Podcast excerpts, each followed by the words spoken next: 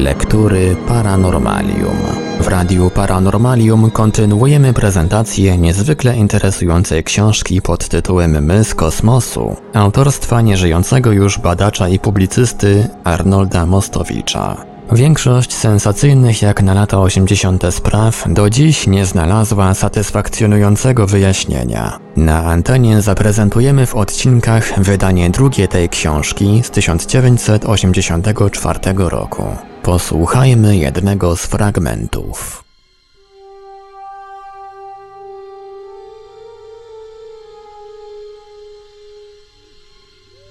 Podczas wydarzeń, które miały miejsce 21 sierpnia 1955 roku w Kelly Hopkinsville w stanie Kentucky, strzały padały gęsto. Cytując Heineka, analizowany sam przez się poza zjawiskiem UFO wypadek Kelly Hopkinsville wydaje się być absurdalny i urągający najbardziej elementarnemu zdrowiemu rozsądkowi. Nawiasem powiedziawszy, ten ostatni nie zawsze okazywał się najlepszym przewodnikiem w historii wiedzy. Koniec cytatu. Streśćmy pokrótce tę historię. W Parowie, znajdującym się niedaleko farmy niejakiego Satona, jeden z członków jego rodziny zauważył lądujący, latający talerz. Kiedy wrócił do domu i opowiedział o swojej obserwacji, wyśmiano go. Nikt w nią rzecz jasna nie uwierzył. W godzinę później zaczął nagle gwałtownie szczekać pies. Dwóch mężczyzn znajdujących się w domu podeszło do tylnych drzwi, by sprawdzić, co się stało. Gdy otworzyli drzwi, ujrzeli na zewnątrz małego człowieczka o świecących oczach, z rękami podniesionymi do góry, jakby go rabowano. Jak przypomina Heineck, w tym rejonie, Kentucky, ludzie przyzwyczajeni są do tego, że najpierw się strzela,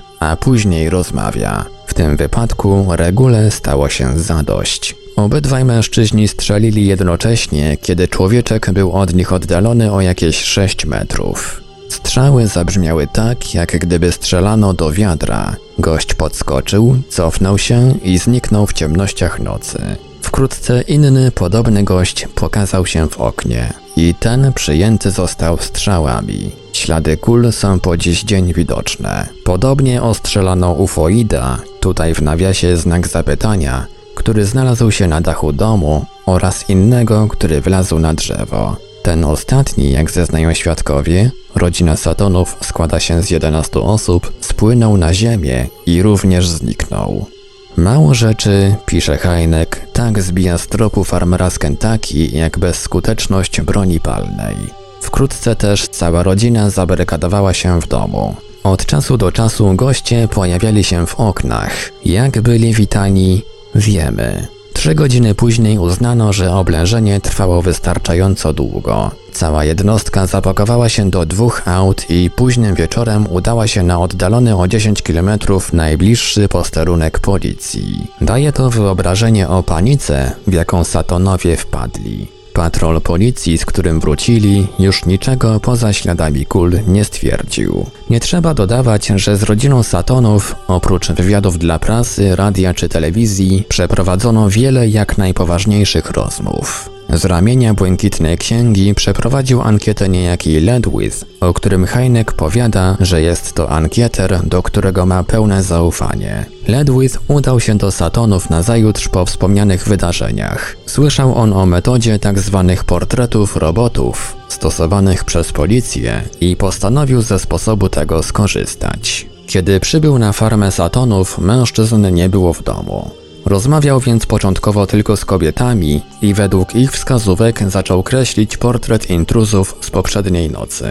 Wkrótce mógł stwierdzić, że według zgodnej opinii kobiet goście mieli oczy bardzo okrągłe i duże, oddalone od siebie o jakieś 18 cm na połowie wysokości głowy, czaszka okrągła i pozbawiona włosów.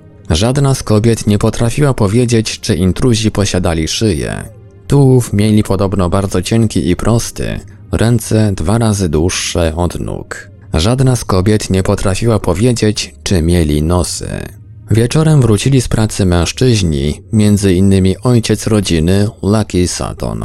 Przyjrzał się on szkicom Ledwitha i oświadczył kategorycznie, że portret jaki ten nakreślił odpowiada rzeczywistości, tyle że twarz powinna być okrągła. Poza tym Saturn stwierdził, że nocni goście pozbawieni byli również ust. Jednym słowem, 11 dorosłych, zdrowych na umyśle osób opowiedziało jota w jotę identyczną historię i dokładnie tak samo opisało gości z UFO. Trudno wyobrazić sobie, aby tego rodzaju ludzie ni stąd ni zowąd zebrali się i postanowili wymyślić sobie nieprawdopodobne wydarzenie o najeździe istot z UFO. Nie wyciągnęli z tego dla siebie żadnej korzyści. Nawet z punktu widzenia psychologicznego ludzie ci nie należą do typu mitomanów czy fantastów.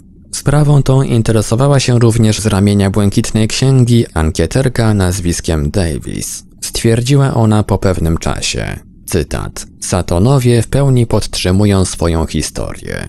Uparcie i gniewnie nie przestają dowodzić, że mówią prawdę. Zarówno starsi, jak i młodzi nie dopuszczają nawet myśli, że mogliby kłamać albo się mylić. Zarówno w rozmowach między sobą, jak i na zewnątrz nigdy nie wyparli się tej historii, ani nie zmienili w niej najdrobniejszych nawet szczegółów. Koniec cytatu. Heinek powiada, że jeśli tak bardzo zainteresował się tym przypadkiem, to nie tylko dlatego, że ankiety zbierali tam jego współpracownicy, do których ma jak najdalej idące zaufanie. Jest jeszcze jedna racja, ważniejsza, powiada Heinek. Humanoidzi stanowią pewien prototyp, który liczy już sobie wieki i którego ślady spotkać można w mitach i legendach różnych cywilizacji. Jest rzeczą zupełnie nieprawdopodobną, by Satonowie, którzy nie posiadają ani telefonu, ani radia, ani telewizora, ani książek, ani nawet większej ilości mebli, wiedzieli cokolwiek o problemie UFO, a tym bardziej by mogli wiedzieć, że wielokrotnie już w przeszłości opisywane były istoty podobne do tych, których portret pomogli nakreślić. Otóż portret ten wykazuje niezwykłe podobieństwo do ludzików, o których wspominają różne kultury. Za pomocą hipnozy. I wreszcie na zakończenie tych przykładów sprawa również już klasyczna. Betty i Barneya Hillów. Betty i Barney Hill to małżeństwo mieszane. On jest murzynem, ona biała. Mieszkają w New Hampshire. Wracali samochodem 19 września 1961 roku z wakacji i jechali pustą drogą. Nagle zauważyli, że na szosie przed nimi ląduje duży UFO i blokuje im drogę. Z UFO wysypało się mnóstwo postaci humanoidów. Wóz został przez nich otoczony i w dwie godziny później Hillowie znaleźli się o 55 km od miejsca spotkania z UFO. Niczego, ale to niczego nie pamiętając z tego, co się w międzyczasie wydarzyło. Ta amnezja nie cofała się, a wobec tego, że oboje zaczęli odczuwać różnego rodzaju dolegliwości, zarówno fizyczne, jak i psychiczne, zwrócili się do niejakiego doktora Simona, specjalisty od leczenia amnezji. Doktor Simon postanowił wypróbować na obydwojgu małżonkach metodę hipnozy. W stanie hipnozy zarówno Barney, jak i Betty zrelacjonowali przebieg tych wypadków, które miały miejsce podczas tych dwóch godzin.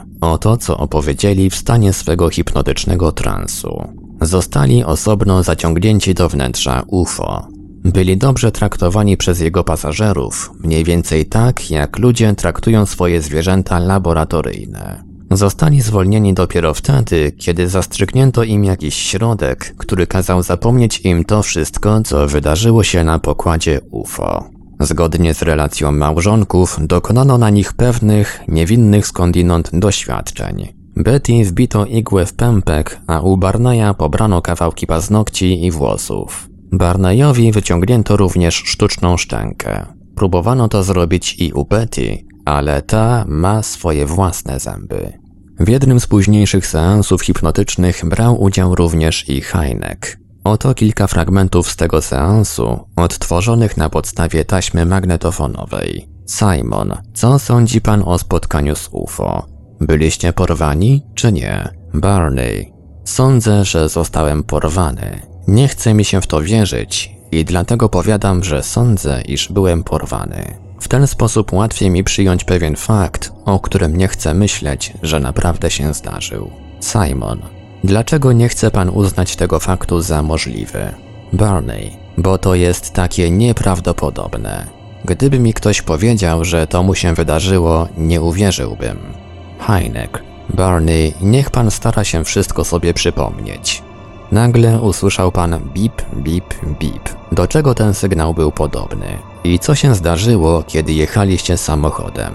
Barney nagle zaczyna się zachowywać tak, jak w momencie, kiedy się znaleźli twarzą w twarz z humanoidami. Barney. Betty, to tu! Betty, to tu! Boże, przecież to pełne wariactwo. Przejeżdżam most. O la la, o la la. Nie mogę w to uwierzyć. Na drodze są jacyś ludzie. Nie, nie wierzę w to. Nie chcę jechać dalej. To księżyc. Wysiadam z wozu, opuszczam drogę, aby wejść do lasu. Tu taka pomarańczowa poświata. Tu coś jest. Gdybym miał ze sobą moją strzelbę. Wchodzimy na pomost. Chciałbym uderzyć, ale nie mogę. Cały się gotuje. Muszę ich rąbnąć, muszę ich rąbnąć. Jestem w jakimś korytarzu. Nie chcę iść naprzód. Nie wiem, gdzie jest Betty. Nikt mi nie robi nic złego. Pierwszy nie uderzę, ale jak mi coś zrobią, uderzę. Jestem odrętwiały. Nie mam czucia w palcach. Jestem na stole. Simon, do Betty. Betty, opowiadaj, co się dzieje. Betty, jedziemy. Barney hamuje i skręca w lewo. Nie rozumiem, co robi. Barney usiłuje zapalić. Nie udaje mu się. Teraz w lesie zbliżają się do nas. W tym momencie zaczynam się bać i muszę wyskoczyć z wozu i schować się w lesie. Chcę otworzyć drzwi. Simon poleca Betty, aby odpowiedziała teraz na pytania Heinka. Heinek, czy widziała pani kiedyś w życiu coś, co byłoby do tego podobne? Betty. Nie. To leżało na ziemi, a wokół krawędzi miało jakiś występ. Heinek. O czym pani myślała wówczas? Betty. Na Boga, ażeby znaleźć wyjście z tej sytuacji. Heinek. A dlaczego było to niemożliwe? Betty. Nie mogę tego zrozumieć. Ich człowiek był obok mnie. Wszystko, co mi przychodziło na myśl, to Barney, Barney, obudź się. A potem, kiedy zbliżyliśmy się do tej rzeczy, wiedziałam ją. Wiedziałam, że zmuszą nas, byśmy weszli do środka. Ale nie chciałam. Przez cały czas im mówiłam, że nie wejdę do środka. Heinek. Czy powiedzieli pani skąd pochodzą? Betty. Nie. Heinek. Jakie dźwięki wydawali? Betty. To były jak gdyby słowa, jak gdyby dźwięki słów. Heinek. Słowa angielskie? Betty. Nie. Heinek. Ale pani je rozumiała. Betty. Tak. Heinek. Jak pani to wytłumaczy? Betty. To było tylko tyle mogę powiedzieć, tak jak się uczy francuskiego. Heinek. Czy sądzi pani, że to był francuski? Betty. Nie, ale to było tak, jak gdyby uczyć się francuskiego.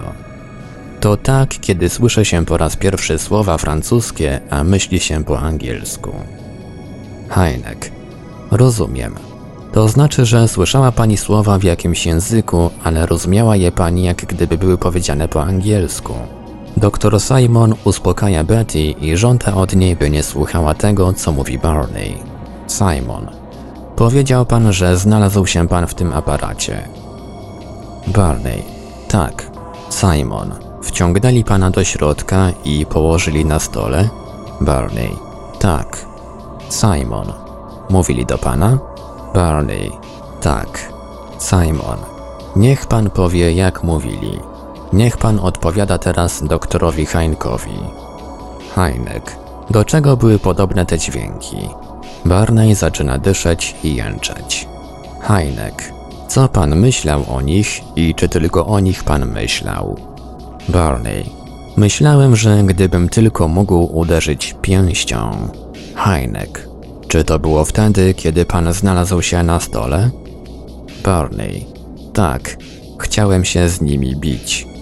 Nie wiedziałem, gdzie jest Betty i za każdym razem, kiedy chciałem się ruszyć albo się wyrwać, to światło w głowie uspokajało mnie. Jasną jest rzeczą, że to, co małżonkowie Hill zeznają pod hipnozą, nie może służyć za żaden materiał dowodowy.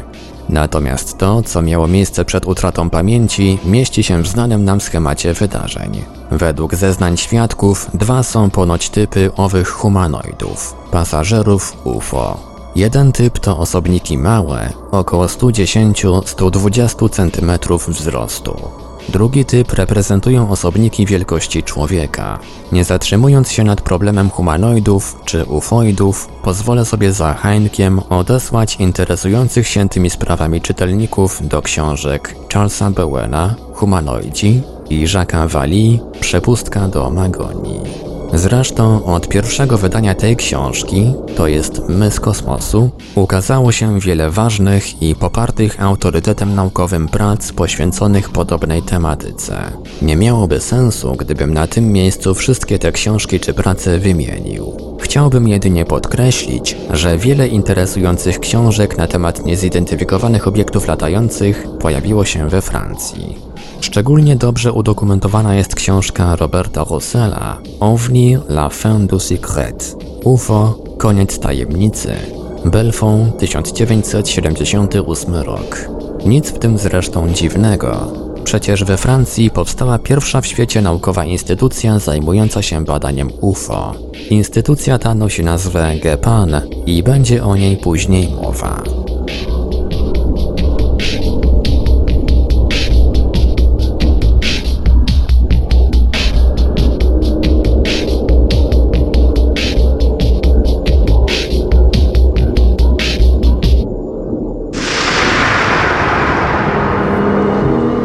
Lektury Paranormalium. Zanim pożegnamy się z doktorem Heinkiem, Zanim pożegnamy się z jego książką, warto z niej zacytować jeszcze kilka faktów i uwag. Otóż władze wojskowe już po zakończeniu działalności programu Błękitnej Księgi zwróciły się do Heinka z prośbą, by wyjaśnił dokładnie swoje zastrzeżenia wobec działalności tego programu, którym dał on wyraz w licznych enuncjacjach prasowych. Książka zawiera to wyjaśnienie. Natomiast wśród nowych argumentów Heinka jeden oparty jest na opisie pewnego wypadku sygnalizowanego tym razem przez wojsko, a więc przez źródło godne zaufania. Wypadek zaś jest tak ciekawy, że i my pozwolimy sobie zacytować go w całości. Rzecz wydarzyła się 1 sierpnia 1965 roku. Do dyżurnego oficera programu Błękitnej Księgi dyżur trwał zawsze przez 24 godziny, napłynął w nocy następujący meldunek. Godzina 1.30. Telefonował kapitan Snelling z dowództwa Air Force koło Cheyenne w stanie Wyoming. Poinformował, że miejscowe radio otrzymało co najmniej 15 telefonów sygnalizujących, iż jakiś okrągły, dużych rozmiarów, świecący różnymi kolorami, ale nie wydający żadnego dźwięku obiekt był widoczny nad miastem. Dwaj oficerowie i jeden kontroler lotów donieśli, że obiekt ten widziany był w promieniu działania bazy, a później skierował się z olbrzymią szybkością w kierunku północno-wschodnim. Godzina druga dwadzieścia. Pułkownik Johnson, komendant bazy Air Force obok Cheyenne, zatelefonował do Dayton, ażeby poinformować, że oficer dowodzący magazynami wojskowymi w Sioux widział pięć obiektów o godzinie 1.45 i podał, że formacja dwóch UFO była rzekomo sygnalizowana na pozycji E. Członkowie eskadry E twierdzą, że o godzinie 1.49 widzieli tę samą formację, która uprzednio o godzinie 1.48 sygnalizowana była przez eskadrę G. Dwie ekipy z eskadry E zostały wysłane dla zbadania sytuacji. Godzina 2.50. Widziano 9 dodatkowych UFO. O godzinie 3.35 pułkownik Williams, dowodzący magazynami wojskowymi w Sioux, sygnalizował 5 UFO kierujących się w stronę wschodnią. Godzina 4.05. Pułkownik Johnson telefonował ponownie do Dayton, aby powiedzieć, że o godzinie 4 eskadra Q sygnalizowała obecność 9 UFO, czterech na północnym zachodzie, trzech na północnym wschodzie i dwóch nad Cheyenne. Godzina 4.40. Kapitan Howell z dowództwa Air Force telefonował do Dayton i do biura Wydziału Obronnego, aby zasygnalizować, że ekipa strategicznego dowództwa lotniczego zameldowała o trzeciej, że jajowaty biały obiekt znajduje się dokładnie nad nią. Później posterunek strategicznego dowództwa lotniczego przekazał co następuje. Baza lotnicza obok Cheyenne melduje położenie B4 godzina 3.17 1 UFO 145 km od Cheyenne. Jajowaty UFO, biały o migocącym czerwonym świetle po środku, schodząc na dużej szybkości skierował się na wschód. Sygnalizowano, że lądował w odległości 15 km od wspomnianego położenia. Godzina 3.20. 7 UFO sygnalizowanych na wschód od bazy. Godzina 3.25.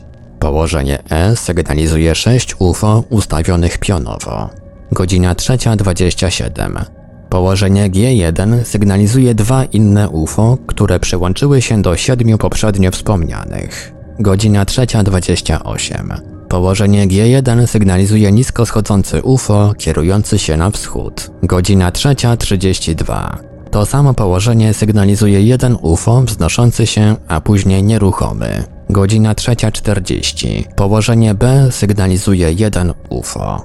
Następnie trzy inne przybyły od wschodu, ustawiły się w pozycji pionowej i razem z poprzednimi pięcioma zniknęły w kierunku wschodnim. Czyż trzeba tu jeszcze jakichś komentarzy? Heineck cytuje niektóre materiały zebrane i w innych krajach, na przykład we Francji. Bardzo ciekawa jest statystyka porównawcza przypadków UFO sygnalizowanych tylko w Hiszpanii z takimi samymi przypadkami UFO sygnalizowanymi na całym świecie. Na 100 przypadków bliskich kontaktów z UFO typów 4, 5 i 6 sygnalizowanych w Hiszpanii, w tym samym czasie tego samego typu kontaktów zaobserwowano na świecie 1176. I co się okazuje? Okazuje się, że statystyka, jeśli idzie o podział na poszczególne typy kontaktów, jest prawie identyczna.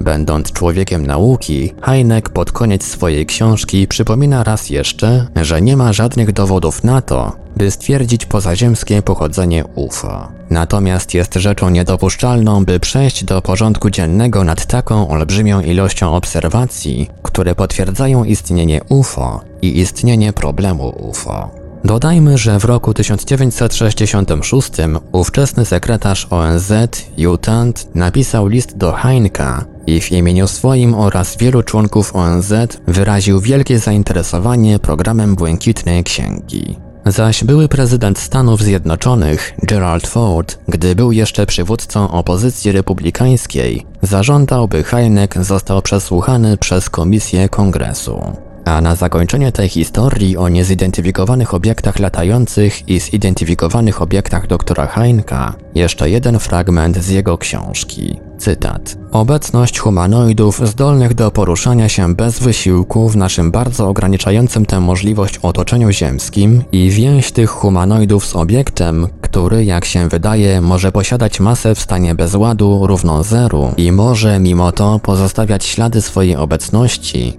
Nasuwa z pewnością myśl, że chodzi tu o zjawiska wymykające się spod znanych nam praw fizyki.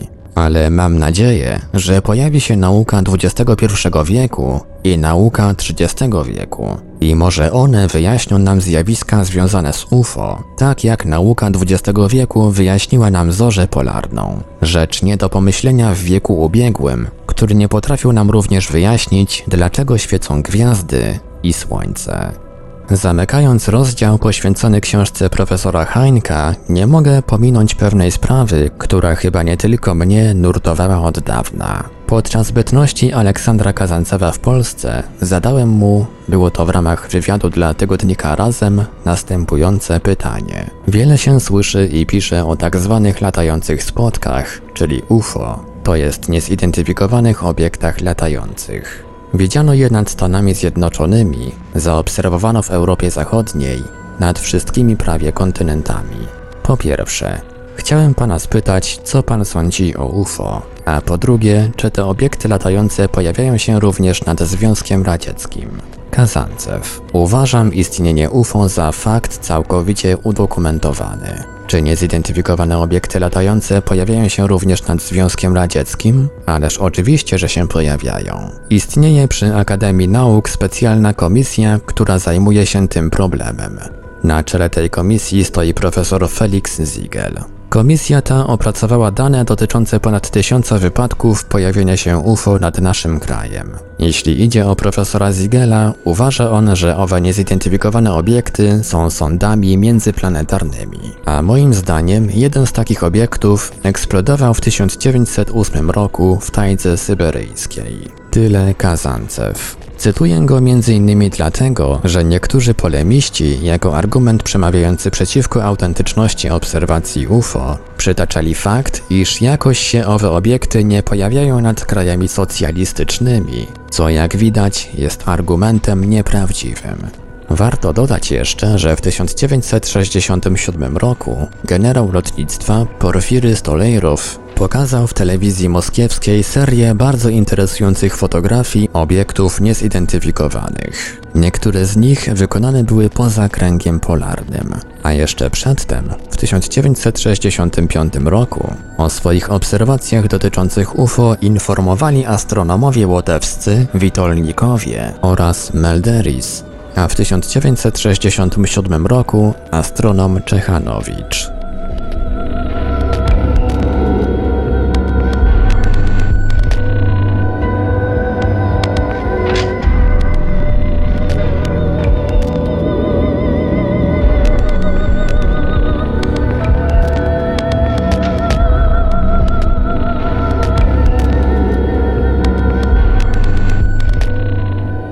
Paranormalium zaprezentowaliśmy fragment książki Arnolda Mostowicza My z kosmosu. Dalszy ciąg w kolejnym odcinku Lektur Paranormalium. Archiwalne odcinki Lektur Paranormalium znajdziesz do pobrania w archiwum naszego radia na stronie www.paranormalium.pl.